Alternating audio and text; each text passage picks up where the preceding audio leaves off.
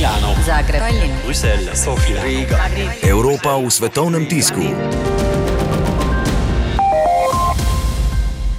Ameriški The New York Times piše o glasovanju v svetu Evrope, ki je Rusiji ponovno omogočil pravico do glasovanja. Odločitvi je nasprotovala večina nekdanjih sovjetskih držav. Tisti, ki so glasovali za obnovitev polnih pravic Rusije v svetu, pa so trdili, da če bi Rusija, kot je grozila, zapustila organizacijo, bi s tem ruskim državljanom odrekla pravico, da vložijo zadeve na Evropsko sodišče za človekove pravice, piše časnik.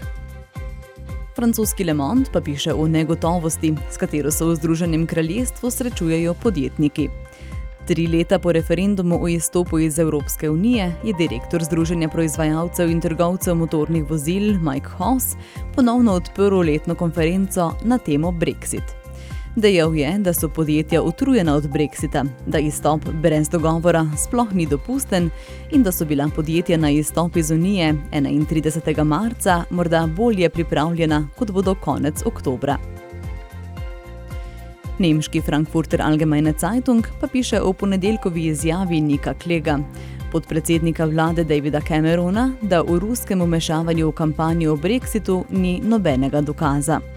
Časnik je opozoril, da je Klek od lanske jeseni vodja oddelka za globalne zadeve in komunikacije pri Facebooku, zaradi česar so socialna omrežja hitro poudarila, da bi Klekova zvestoba novemu delodajalcu lahko presegla njegova politična stališča. Pri časniku pa so ob tem izpostavili še nekatera druga njegova politična stališča, ki da jih je glede na dano situacijo sproti prilagajal. Britanski The Guardian pa danes piše, da avstrijske oblasti preizkujejo tamkajšnjega vodjo skrajnega desničarskega gibanja Martina Zellnerja, ki ga sumijo ustanovitve teroristične skupine, katere član je bil tudi strelec v Christchurchu. Preiskavo pa so razširili še na njegovo zaročenko iz Velike Britanije in njene domnevne povezave z avstralskimi skrajnimi desničarji. Milano, Zagreb, Bruselj, Sofija, Riga. Evropa v svetovnem tisku.